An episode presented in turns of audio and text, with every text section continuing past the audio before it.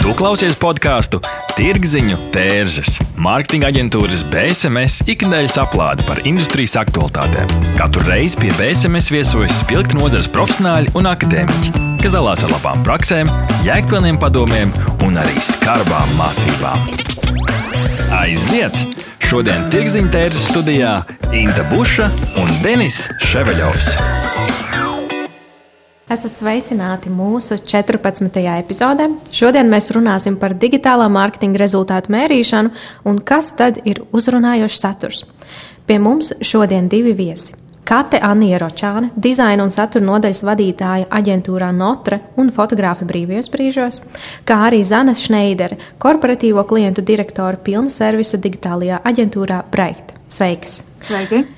Sveiki! Pieaugot vispār komunikācijas apjomiem digitālajā vidē, mēs redzam, ka, protams, arī ir auga patērētāju standarti par to, kādam tad vajadzētu izskatīties saturam, kas ir trendīgi, kas nav, un, attiecīgi, kas tad nav kvalitatīvs saturs. Skaidrs arī, protams, ka atšķirīgām auditorijām ir dažādas expectācijas un arī ziņas, taču, ja mēs tā pavisam vispārīgi, kas ir kvalitatīvs digitālais saturs, Zani varbūt var sākt. Jā, nu, īstenībā ļoti vērtīgs jautājums. Jo ņemot vērā arī Covid jaunās tendences, saturs ir tik daudz, un tad, kas tad ir tas kvalitatīvais saturs? Un, manuprāt, te nav runa par tādiem ultramoderniem vizuāļiem un tekstiem, kuri ir rakstīti teju dzējā. Tas ir tāds novecojis skatu punkts. Manuprāt, jāsaprot, ka nav racionāli piedāvāt austeres tam, kurš patiesībā grib kotletes. Un, attiecīgi, izpratne par kvalitatīvu saturu katram sociālo tīklu lietotājam var būt sava. Tāpēc, manuprāt, kvalitatīvs uh, digitālais saturs ir tāds, kas sasniedz tiešām savu mērķa auditoriju un piedāvā to saturu, ko tā mērķa auditorija saprot, grib saņemt un grib izmantot uh, tālāk informācijas apstrādēji, saviem pirkumiem, savām pārdomām. Tajā pašā laikā ir arī visādi dīvaini eksperti, un katram ir savs viedoklis. Kata, kā tev šķiet, kas ir kvalitatīvs digitālais saturs, un uh, kādam tad ir jābūt saturam, lai tas uzrunātu? Es patiesībā piekritīšu Zanē. Um, principā vienā teikumā to varētu noformulēt tā, ka tas ir oriģināls saturs pareizajām auditorijām.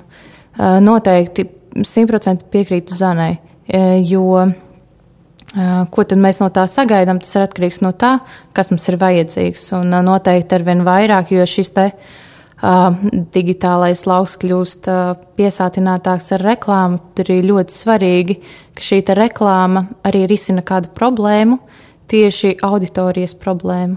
Un runā nevis par sevi, bet drīzāk par auditoriju. Mhm. -huh. Es varbūt, ja drīkst, varu papildināt. Mums uh, braida pieredzē ir bijušas situācijas, kad uh, klients savu uzņēmumu mājaslapu vai, vai sociālo tīklu saturu vēlas veidot pēc saviem uzskatiem. Nu, piemēram, viņš uh, grib izmantot sarkanu krāsu, jo tā ir viņa mīļākā krāsa. Uh, viņš grib izmantot smieklīgus gifiņus, jo tieši tie viņiem patīk. Bet tajā laikā ir jautājums, vai tad tu pats esi mērķa auditorija, vai tomēr domāsim, kas mērķa auditorijai ir svarīgs. Rezultātā bieži vien sanāk, viņš veido saturu sev, bet vai viņš veido tajā brīdī arī mērķa auditorijai, tas ir ļoti labs jautājums, kas ir izpētes vērts pirms vispār sākt veidot komunikāciju sociālos tīklos. Tieši tā, un kad mēs plānojam stratēģijas un arī kampaņas, mēs vienmēr mēģinām iztēloties, kāds uh, ir tas, ko vēlas mūsu gala patērētājs. Un uh, mums arī izstrādāts vesels um, pieejams, saucamais Customer Journey, kad mēs saprotam, tad, uh, kur atrodas pats zīmols attiecībā pret savu gala patērētāju. Un Zana teica par izpētēm, kā jums ir, kā, kā pierādīt klientam, vai tas gifs tiešām uh, neuzrunās konkrētu mērķa auditoriju. Jā, nu, ja tas ir pilnīgi jauns klients, ar kuru mēs neesam strādājuši, tad uh, man noteikti būtu pirmais pretjautājums viņam, vai viņš jau ir izmēģinājis, vai viņa mērķa auditorija uz to pozitīvi reaģē un, un veido komunikāciju. Uh, bet, ja tas jau ir klients, ar kuru mēs ilg, ilgtermiņā strādājam, un ir pēkšņi šāda uh, vēlme pēc grifiem, tad uh, mēs noteikti skatāmies statistiku. Ir dažādi statistikas rīki, kur mēs uh, redzam, kādi posta veidi, satura veidi uh, lietotājus uzrunā tieši viņa lietotājs, mērķa auditoriju. Tad ar šo statistiku mēs arī varam viņam parādīt, vai tie gifi interesē arī viņa mērķa auditorijai, vai tomēr nē. Viņiem vairāk interesē varbūt grafiski, grafiski elementi, līdzīgi infografikām, kur tiek skaidrot procesu. Es nesen mēs ar Denis tikāmies ar vienu klientu, kurš nu, ir tas klients, kurš pamēģina kaut ko uztaisa. Ai, divas dienas nav nekāds rezultāts, viss mainām, kaut ko citu mēģinam, paiet divas dienas, atkal nestrādā, mēģinam kaut ko citu. Zane, uzreiz tev jautājums, pēc cik ilga laika vajadzētu, nu, cik ilgu laiku vajadzētu vispār dot digitālajai komunikācijai laiku, lai viņi ieskrietos un nostabilizētos, un lai tie, tie rezultāti attiecīgi būtu tādi leģitīmi un tiešām analizējami? Nu, ja ir runa par jaunu konta komunikāciju, es teiktu, 3 līdz 6 mēneši ir tas periods, kad jau var vērtēt rezultātus, kas mērķa auditorija ir tīkamāk un kas mērķa auditorija vispār kādas ziņas neinteresē. Kate, kā strādāt ar šādiem klientiem vai jebkuru arī pat uh, patērētāju? Kurš tad attiecīgi jā, visu um, savu subjektīvo domu pārveļ uz visu zīmolu? Kā mēs varam pārliecināt uh, klientus, uh, ka rekur ok, balstamies datos vai, vai mērījumos, kas strādā, kas nestrādā, un arī tas pats uh, komunikācijai par uh, patērētājiem? Nu, pirmkārt, jau tādēļ ir šī izpēte, ir dati. Mēs arī skatāmies, kas ir strādājis, kas nē. Ļoti bieži, nevis ļoti bieži, bet mēdz būt tā, ka klients tik ļoti nu, teiksim, uzspiež to savu redzējumu, ka mēs nesakām, nē, mēs sakām, jā, pamēģinam. Palaižam AB testus, paskatāmies, kā strādā šāda lapa, kā strādā šāda lapa, kā strādā šāda reklāma, kā strādā citāds vizuālis. Um, un um, ir bijis tā, ka mēs uh, nu, ļaujam arī klientam izpausties, vienojamies par konkrētu laika periodu, kad mēs to darām. Tad, kad mēs saprotam, ka tas, uh, ja tas nestrādā, tad uh, vienkārši piedāvājam savu alternatīvu. Un tajā brīdī, ja tas nav uh, bijis. Uh, kaut kas tāds, kas sasniedzis ir gaidāmos rezultātus, tad uh, bieži vien mēs nopelnām arī uh, klienta cieņu un uztic, nu, uzticību. Tad, uh, riskēt no mums. Man uzreiz jautājumi gan Zanē, gan Katē. Tad, eh, Konkrēti gribas zināt, kas tas, kas agrāk skaities kvalitātes un strādā, un tagad uh, vasarā 2021. gada galīgajiem iet garām, un kas ir tas, vēlamies rezultāti, par ko mēs runājam tagad? Varbūt katra. Kas ir tāda viena lieta, kas varbūt kādreiz ir strādājusi, ir uh, glancīgi vizuāļi. Uh, tāds ļoti pūkains, noslīpēts saturs, pildīts un tā tālāk. Es teiktu, ka tas vairāk nestrādā. Pirmkārt, tādēļ, ka cilvēkiem nu, bieži vien tā, ka superkvalitatīvas bildes tiek sajauktas ar stoku bildēm. Man liekas, oh, jā, visi jau to var. Tas nav nekas tāds. Drīzāk labāk strādā dzīves saturs ar telefonu, uzfilmēt rīli, kas noteikti aiziet labāk tiešām nekā būs super fotosesija, kur kādam var likties, ka tas ir kaut kas paņemts attēlu bibliotēkās. Vēl kas ir, nezinu, kā zanē, kas ir mans novērojums sociālajos tīklos tad arī feedā nestrādā vizuāļus, kuriem ir uh, vispār uh, tekstuāls saturs virsū. Pat uh, tik daudz kā logo cilvēki reaģē divreiz uh, kūtrāk nekā tad, kad tā ir vienkārši bilde, kas iedvesmo. Un arī tāda šī tā savā ziņā varbūt uh, tā logo pozicionēšana un zīmola pozicionēšana ir tā, kas uh, nu, nesevišķi labi strādā. Jo cilvēkiem droši vien tās reklāmas ir diezgan apnikušas. Zana? Jā, es īstenībā simtprocentīgi piekrītu Katei par uh, šīm te, kā es saucu, pielēzītajām bildītēm, kur uh, fotografē fotostudijā, uh, izmanto gan stilistu, gan modeļus un veltā vienai fotografijai līdz pat stundai laiku. Vairāk personāla tiek iesaistīti, bet rezultāts vairs šīm bildēm nav tik labs kā tiešām dabiskām bildēm, kas ir uzņemtas vidē vai ar telefonu. Ko es vēl varētu papildināt, ir par tekstuālo saturu. Ja agrāk šī vide nebija tik piesātināta, tad cilvēki varbūt vairāk lasīja tekstu. Šobrīd ir tā, jo mazāk teksta mēs izceļam tikai svarīgāko, nezinu, mājaslapas adresi, datumu, līdz kuram ir akcija vai konkrētu preci. Tas vairāk strādās nekā rakstīt garākus tekstus. Kolēģi, varbūt ir pienācis tas brīdis, kad mēs, industrijas profesionāli, varam vēlreiz vienoties savā starpā, un visi, kas klausās, mūsu klienti arī var uzņemt šo. Tātad, kad mēs komunicējam no sociālo mediju kontiem, tad ir uzreiz redzams logo un skaidrs, kas ir tas komunikātors. Un līdz ar to tas logo uz pašas bildes ir liekas. Vai mēs piekrītam šim? Viennozīmīgi, jā. Arī tā negribīgi, bet jāsaka, ka tā diemžēl ir. Un, protams, ka zīmola to grib. Viņam liekas, ja tur mans zīmols būs pa visu laukumu, jo labāks, tad visi sapratīs un visiem patiks. Vēl pēc tam, jo lielāks, jo labāk. jā, jā, jā, iecentrēti. Uh, jā, tā kā ja jums ir vēl jautājumi, uzklausieties par šo, tad sūtiet, un mēs pretī gatavi jums piedāvāt visi šī dienas sarunas biedri datus preti, kur parādīs, ka bilde bez logos strādās labāk. Bet es gribētu uzreiz pateikt, ka uh, ja pat bilde ir taisīta ar telefonu un ir sajūta, ka tas ir user-generated content, tas nemaz nenozīmē, ka to var izdarīt jebkurš un jebkas. Tomēr es domāju, ka vajadzētu uh, no sākuma izdomāt konceptu, un tad uh, tas stilists varbūt arī būs vajadzīgs. Nevienmēr tas tomēr. Mēs arī varam redzēt, kā tie mm, satura veidotāji, kuri ir kļuvuši par influenceriem, viņi paši izmanto visiem pieejamas tehnikas, kā nezinu, iPhone, uh, ringlight, bet uh, ne, ne visi ir influenceri. Tur arī jābūt kaut kādai sajūtai par estētiku, par savu auditoriju. Uh, tad vajag viņu uzrunāt ar šo.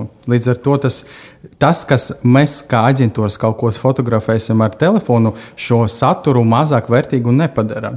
Es to gribētu pateikt, varbūt katra var atbalstīt. Jā, es, es noteikti teiktu, ka tas nenozīmē, ka tagad mēs uh, visas produktus, bildes fotografējam ar telefonu. Mēs šeit runājam tikai par sociālajiem tīkliem, varbūt par storijiem, feed ierakstiem un tā tālāk. Joprojām tas, kas attiecas uz mājaslapām, visām citām lietām, produktam ir jābūt skaistam un uh, viņam ir jāatspoguļo attēlos uh, video labākās savas īpašības. Līdz ar to tas īsti neatiecas, protams, uz mājaslapas saturu. Mājaslapā joprojām tam ir jābūt būt eh, nu, maksimāli kvalitatīvi. Es nezinu, kā Zanus to skatītos. Jā, man atliek nekas cits, kā, kā atkal piekrist eh, kolēģiem. Bet uh, man bija viens piemērs, kurus uh, tā arī potenciālam klientam stāstīja, kad mēs fotografijas lielākoties uzņemam ar, uzņemam ar telefonu. Viņam bija ļoti liels izbrīns, par ko tad es vispār maksāju aģentūrai. Tāpēc ja es pie jums vēršos, ka man vajag kvalitatīvu saturu. Um, tad es viņam skaidroju, ko nozīmē kvalitatīvs saturs, kad bildē aģentūra un kad bildē uh, pats klienta pārstāvs. Uh, viņš atmeta roku un teica, es izmēģināšu pats. Un, protams, ka man bija ārkārtīgi liela ziņa, kā ar katru dienu sekot viņam līdzi, uh, kā tas izvērtīsies, kad veidošu saturu pats. Uh, rezultātā pēc mēneša viņš man zvanīja vēlreiz un teica, varbūt tomēr es varētu piedāvāt, uh, izstrādāt piedāvājumu, jo viņš saprata, ka tas ir pa grūtu un, un tiešām tās bildes laikam pašam nesanāk tik labi, kā gribētos. Tāpēc um, nevajadzētu novērtēt par zemu aģentūras ieguldījumu arī tajos brīžos, kad tiešām tiek bildēts ar telefonu. Jā, es vēl varētu pieminēt par video. Ir tas pats stāsts. Nu, kā, nu, visiem, protams, arī ir šī opcija nofilmēt video telefonā. Bet jāņem vērā tas, ka tas video pēc tam arī, ja viņš ir filmēts ar telefonu, viņš tiek tomēr apstrādāts, viņš tiek samontēts un kaut kādas tur nepilnības tiek novērstas no nu, iespēju robežās. Bet, protams, arī ja ir bijis tā, ka nu, klients atsūta video, kur ir puse no tā video laika nav, nav īsti um, nofokusēta kamera uz to, uz ko viņai jābūt nofokusētai, tad tur ir vēl kaut kāds triciklīts rokas, un, un tā, ka nu, to īsti arī nevar izmantot. Tā kā nevar teikt, ka visu var saglabāt, līdz ar to tādēļ ir aģentūra, kas ar to strādā, mācās arī filmēt ar telefonu. Jā, un, nu, protams, kad mēs runājam par digitālo saturu, gribas atgādināt, ka tas nav tikai foto un video, tad, tad tie ir arī teksti un uh, cita veida uh, rīki. Un mēs kopā ar Norstedt jautājām cilvēkiem, vai tavuprāt, sociālajos tīklos ir kvalitatīvs digitālais saturs. Un visbiežāk 44% saka drīzāk nē. 36% saka drīzāk jā. Bet nu, tādas pavisam pārliecinošas, jā, noteikti ir kvalitatīvs vai nē, noteikti, ka nav kvalitatīvs, bija samērā reti. Un Ko vēl mēs novērojam, ka cilvēki ar dzimto valodu, krievu valodu, divreiz biežāk 14% uzskata, ka sociālo tīklu saturs noteikti nav kvalitatīvs. Kā mēs šo varam vērot, vai varam teiksim, spekulēt, ka zīmoli Latvijā bieži aizmirst par krievalodīgo auditoriju? Zane varbūt var sākt. Es domāju, ka es varētu daļai piekrist, kā aizmirst. Arī mēs klientiem to atgādinām, ka ir tomēr arī liela daļa krievalodīgo, kas arī lieto sociālos tīklus krievu valodā. Kaut kādā brīdī klients piekrīt to izmēģināt, bet tad parādās joki. Viņš saka, es pats iztūkošu to tekstu. Un rezultātā tas teksts, kas tiek iztūkots, es teikšu, tā bieži vien arī redzot, kā, kā tiek, tiek veidots saturs, tas ir nekvalitatīvi iztūkots. Līdz ar to um, es teiktu, um, Katra pieminēja cieņu pret lietotāju. Šī brīdī, ja mēs uzzinājām, ka krievu mērķa auditorija bieži vien cieņa nav attiecībā uz valodas precīzu tulkojumu. Un arī par vizuāļiem. Uzņēmumi cenšas veidot vizuāļus tādus, lai uzrunātu gan latviešu, gan krievu auditoriju ar vienu un to pašu vizuāli. Bet jautājums, vai tas vienmēr strādā? Tas ir labs jautājums, un mums arī bija lielas kampaņas. Daudz Facebook bija pilns ar dažādiem mēmiem par to, kā bija pārtulkota vakcinācijas kampaņa. Tur bija ne tik viennozīmīgi tulkojumi. Līdz ar to jā, tas ir ļoti svarīgi par to domāt, un lai uh, aģentūras būtu arī pieejams kaut kāds copywriters, uh, kuram krievu valoda ir uh, dzimta valoda.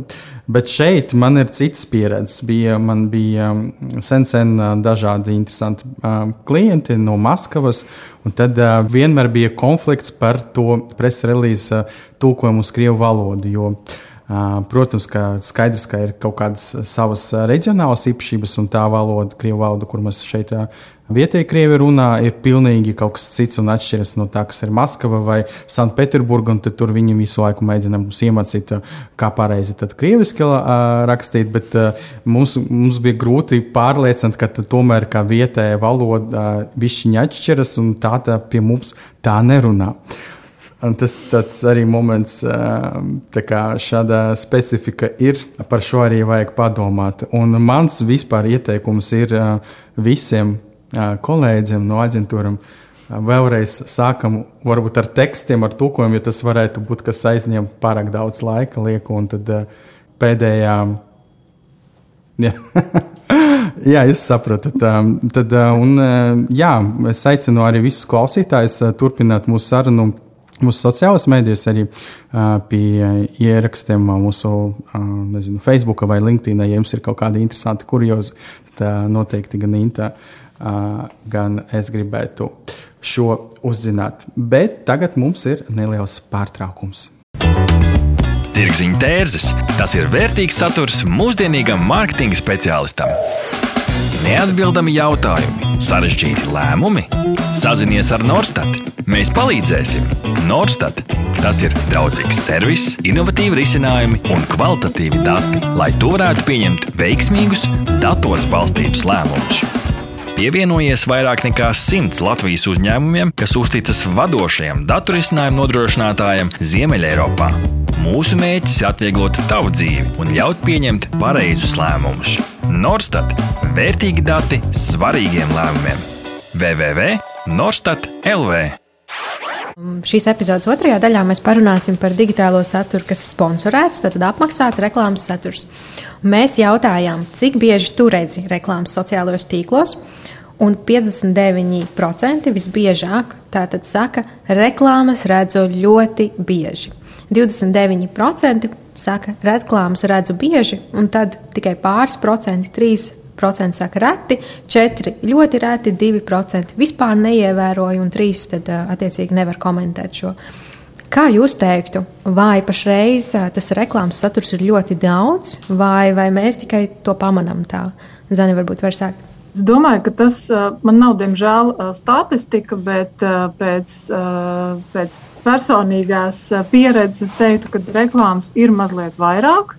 Manuprāt, reklāmas bieži vien netiek pareizi notargetētas teiksim, veikta mērķa, mērķa auditorija, jo reiz reizēm saņem tādas visai īpatnējas reklāmas, kas man absolūti neinteresē. Piemēram. Nesen, piemēram, es redzēju reklāmu par, par auto daļām. Es domāju, kādā sakarā es taču Facebookā neko neesmu meklējis par auto daļām, un esmu uh, tikai šoferis, nekas vairāk par auto, neko nezinu un neinteresējos.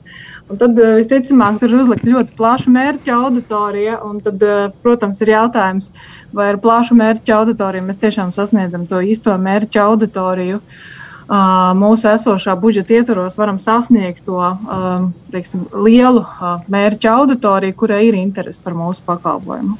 Jā, un mēs, jā, un mēs taču vēl sarunas gaitā uh, komentējām par to, kas ir kvalitatīvs saturs. Tad tas viens no aspektiem bija tieši, ka tas ir precīzs targetings, precīza mērķa auditorija, vai ne? Es domāju, tas ir arī saistīts ar to, ka mēs jau Facebookā dzīvojam bezmaz vai desmit gadus, pat vairāk. Un, uh, mēs, kā lietotāji, esam jau pieraduši pie tā, ka mēs saņemam to reklāmu, kuru pa lielam mums interesē. Un tas arī uh, liels dusmas varbūt izraisa, ka tu saņem kaut kādu ne tev veltītu reklāmu. It kā mēs jau pieņemam, ka um, gan Facebook, gan Google zina par mums pietiekoši daudz, lai piedāvātu relevantu piedāvājumu. Man arī reklamējas kaut kāds um, tehniskais tas uh, veikals Gitāna, man šķiet, tas nosaukums ir uh, YouTube. Kā ļoti bieži redzu. Uh, un, uh, atkal tas ir par to, kas ir kvalitāte. Tas ir, lai tu pats, kā zīmols vai komunikātors zīmols, uh, ļoti labi apzināts, kas ir tava mērķa auditorijam. Mm. Bet šie dati man liek arī domāt par vēl daudzām citām lietām, piemēram, par tiem uh, vispār interneta lietošanas paradumiem. Es domāju, nu, kādēļ ir tā, ka tur cilvēki, piemēram, ar augstāku izglītību, tur biežāk, uh, nu, it kā redzot reklāmas vai atkal otrādāk. Un, un tad es tā domāju, patiesībā jau ir ļoti, nu, mēs laiku internetā pavadām ļoti dažādi. Nu, ir cilvēki, kas spēlē spēlītas, viņiem tās reklāmas tur vienkārši gāžas. Ir cilvēki, kas, kas maksā par saturu un vispār neredz reklāmas. Un ir ļoti daudz, nu, ļoti atšķirīgi arī šie vispār internetu lietošanas paradumi. Bet noteikti jāņem vērā tas, ka mēs no vienas puses kļūstam prasīgāki pret saturu kopumā.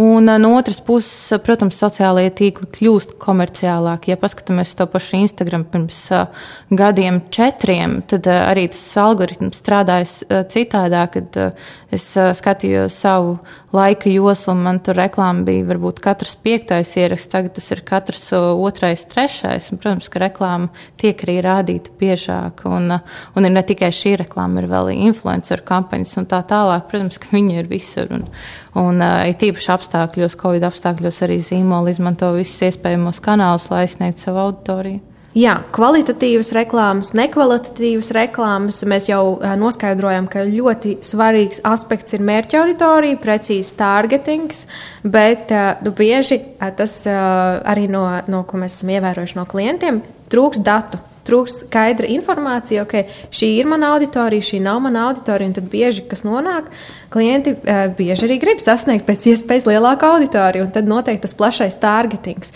Kā jūs strādājat uh, kate notrē ar šādiem uh, datiem un ar šādiem klientu pieprasījumiem? Kā jūs varat nonākt līdz tai precīzākai un konkrētākai auditorijai?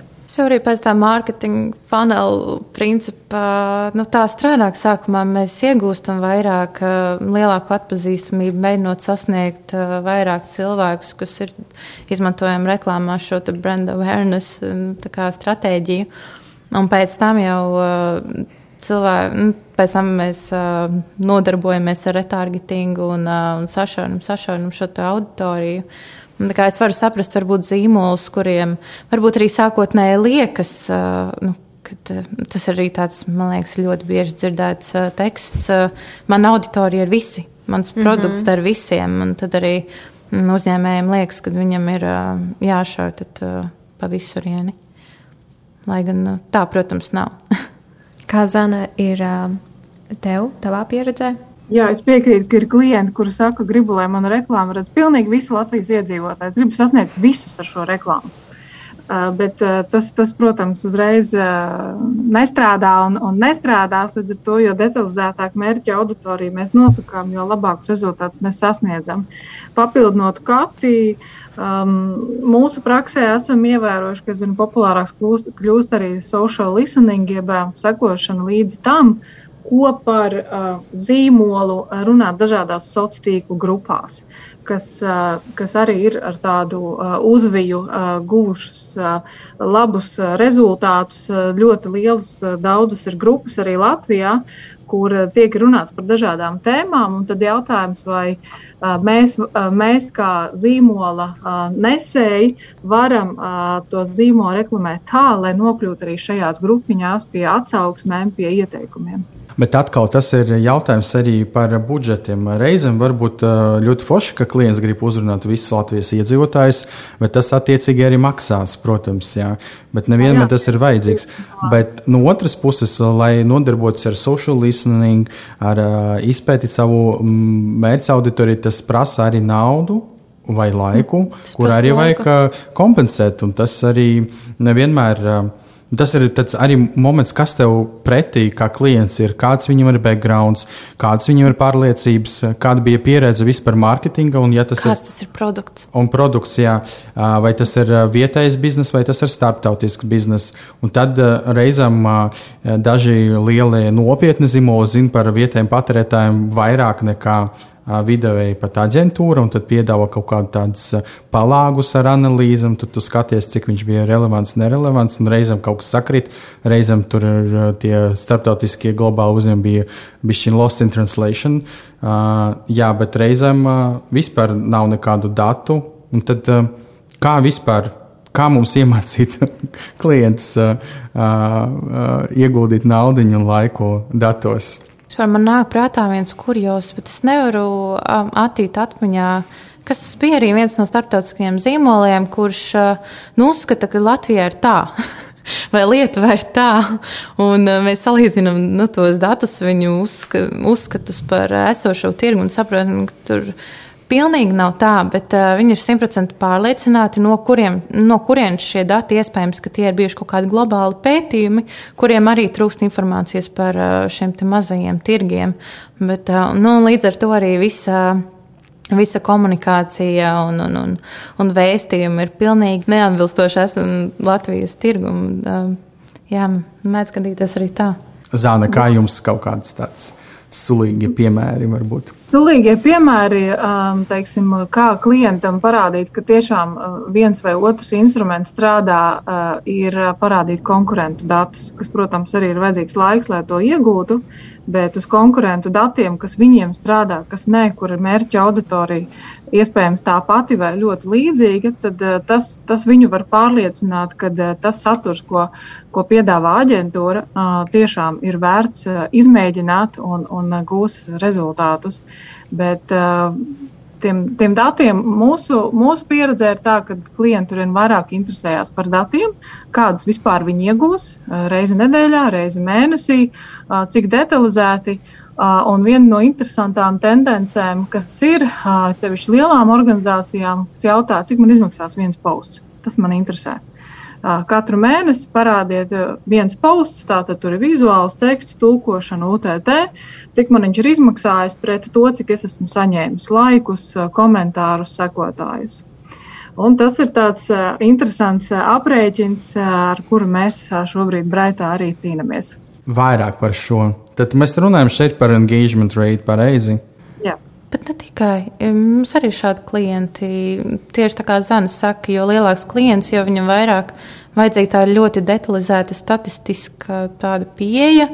No otras puses, mums ir klienti, kurus absolūti neinteresē nekāds engagement rate. Viņus interesē tikai tas, vai mūsu darbības palīdz pārdot viņu produktu. Un izskatās, tikai vienīgi savos pārdošanas datos, ja, ja tur ir kaut kāds kritums vai nav izmaiņas, tad nekas nestrādā. Bet, ja tur ir kaut kāds augums, tad, tad tiek pieņemts secinājums, ka, ka tās darbības, ko mēs veicam, ir pie, pietiekamas, gana labas, un mēs turpinām. Jā, mēs principā runājot par to, kas ir kvalitatīvs un piesaistošs saturs, esam aizskāruši pirmkārt mērķa auditorijas tēmu, tad mēs esam pieskārušies tam, ka, ir, ja mēs kaut ko eksperimentējam, tad ir jāpagaida 3-6 mēneši, lai varētu novērtēt rezultātus. Tad vēl jautājums par datiem un cik vispār mūsu viedokļi un tas, kā mēs veidojam šo saturu, ir balstīts datos un cik daudz atkal tajā subjektīvā izpratnē par to.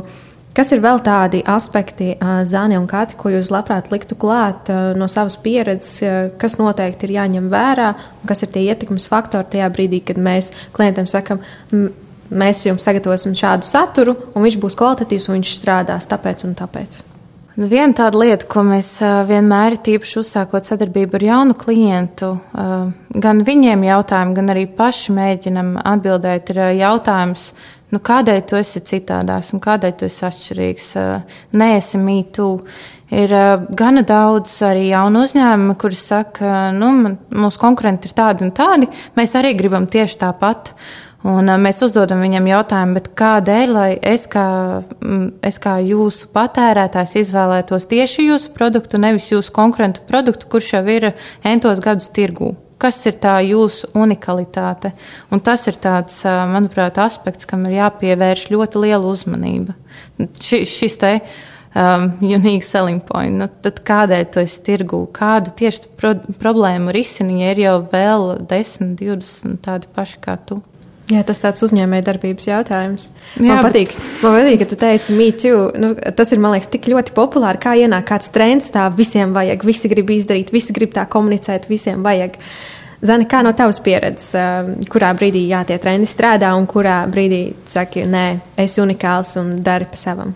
Jā, nu tas ir, manuprāt, ļoti atkarīgs no nišas, cik daudz arī pats klients var vai nevar atļauties šo komunikāciju miksēt, vai viņš var atļauties lietot humoru, vai viņš var būt tas, kurš seko līdzi trendiem un pēkšņi ieliek kādu postu par hokeju, piemēram. Tas tiešām ļoti atkarīgs ir, ir, no, ir no paša klienta. Tāpēc, jo tas klients ir teikt, vairāk kastītē, jo mazāk iespējas mums ir eksperimentēt ar mērķa auditoriju. Jo vairāk viņš atļaujās būt sociālos tīklos draudzīgāks, iesaistošāks, jo mums ir vairākas iespējas radīt dažādus risinājumus, es pat teiktu, testēt kur mēs redzam, kas tad strādā mērķa auditorijiem, kas nestrādā. Tas mūsu galvenais ieteikums klientam ir, stratēģija ir laba lieta, bet nevajag pie stratēģijas pieturēties dzelžaini simtprocentīgi, Jo iespējams ar laiku tiešām tie 3-6 mēneši mums parādīs, kas no stratēģijā paredzētām lietām tiešām strādā un nestrādā. Un tas, kas nestrādā, esam fleksibli un mainām šo saturu, satura formātu, kā mēs šo informāciju varam pasniegt atšķirīgāk, iesaistošāk, interesantāk, lai tas uzrunātu tomēr sekotājus. Es piekrītu, jā, tas ir ļoti svarīgi. Vispār mums pirmkārt vajag atcerēties, kāpēc sociāla mēdīja vispār parādīs un ar ko viņi atšķiras no citiem mēdījiem. Viņi ir dzīvi, viņi ir relevanti pašiem sekotājiem, un kas ir tas skaistais moments, kā sociāla mēdīja ar relatīvi mazu maksu dot mums iespēju droši eksperimentēt. Vienu dienu mēs varam palaist tekstu ar komātiem, otru dienu bez komātiem un paskatīties, kas uzrunā vairāk pareiza virziena mūsu, mūsu auditorijas. Un agrāk varbūt tas bija sarežģītāk, ka vajadzēja pašam taisīt AB testing. Tagad Facebook ir iebūvējis šo funkcionālu.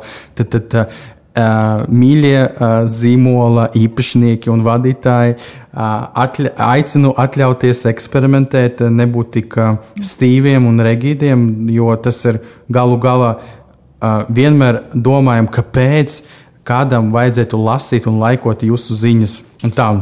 Jā, mēs lēnām jau tuvojamies šīs epizodes noslēgumam. Līdz ar to vēlos lūgt abas mūsu viesņas teiksim, apkopot galveno no šīs sarunas un izdarīt savus secinājumus, ko jūs noteikti gribētu pateikt mūsu klausītājiem. Kati varbūt var sākt. Tātad pirmais un galvenais ir zināt savu auditoriju, ko tu vēlēsies sasniegt, kādas problēmas tur izsini un kādai tu esi citādāks. Tas arī, manuprāt, ir tas galvenais. Un, uh, līdz ar to ir arī mm, jāpadomā varbūt mazliet no tās otras puses. Nu, ja, ja, lai gan tu neesi sava produkta patērētājs, bet ja tu būtu, tad vai tev pašam būtu interesanti, vai tu pats sekotu, un, un vai tev liktos, ka tas ir tā laika vērts, lai lai tu iedziļinātos vispār šajā zīmola vēstījumā. Ja, ja tev liekas pašam, ka tas ir interesanti, tad varbūt tas jau ir tāds um, pareizais solis, pareizais virziens. Zane? Jā, nu, uzrunājošs saturs noteikti ir viegli uztverams, vizuāli un saturiski piesaistošs konkrētai mērķa auditorijai, kam tas ir domāts. Un noteikti pievēršam uzmanību statistikai, kas mums pasaka priekšā, vai mēs uh, spējam uzrunāt mērķa auditorijā šo saturu, vai tomēr mums uh, ir jāpielāgojas vēl vairāk, jādomā citas uh, satura uh, vienības, kā uzrunāt mērķa auditoriju vēl efektīvāk, lai sasniegtu rezultātus pēc iespējas augstākus. Paldies mūsu klausītājiem un mūsu viesiem. Ar mums šodien kopā bija Kate Anija Ročāna, dizaina un satura nodaļas vadītāja aģentūrā Notre un fotogrāfe brīvajos brīžos, kā arī Zana Šneidere, korporatīvo klientu direktora pilna servisa digitālajā aģentūrā Bright. Paldies, ka klausījāties BSMS podkāstu Tirziņu tērzes. Aplādi ar labām praktiskām, jēgpilniem padomiem un skarbām mācībām. Patika epizode? Dalies sociālajos medijos, ir idejas tēmām vai viesiem? Raksti mums! Tās bija Tirziņu tērzes. Tiekamies nākamnedēļ!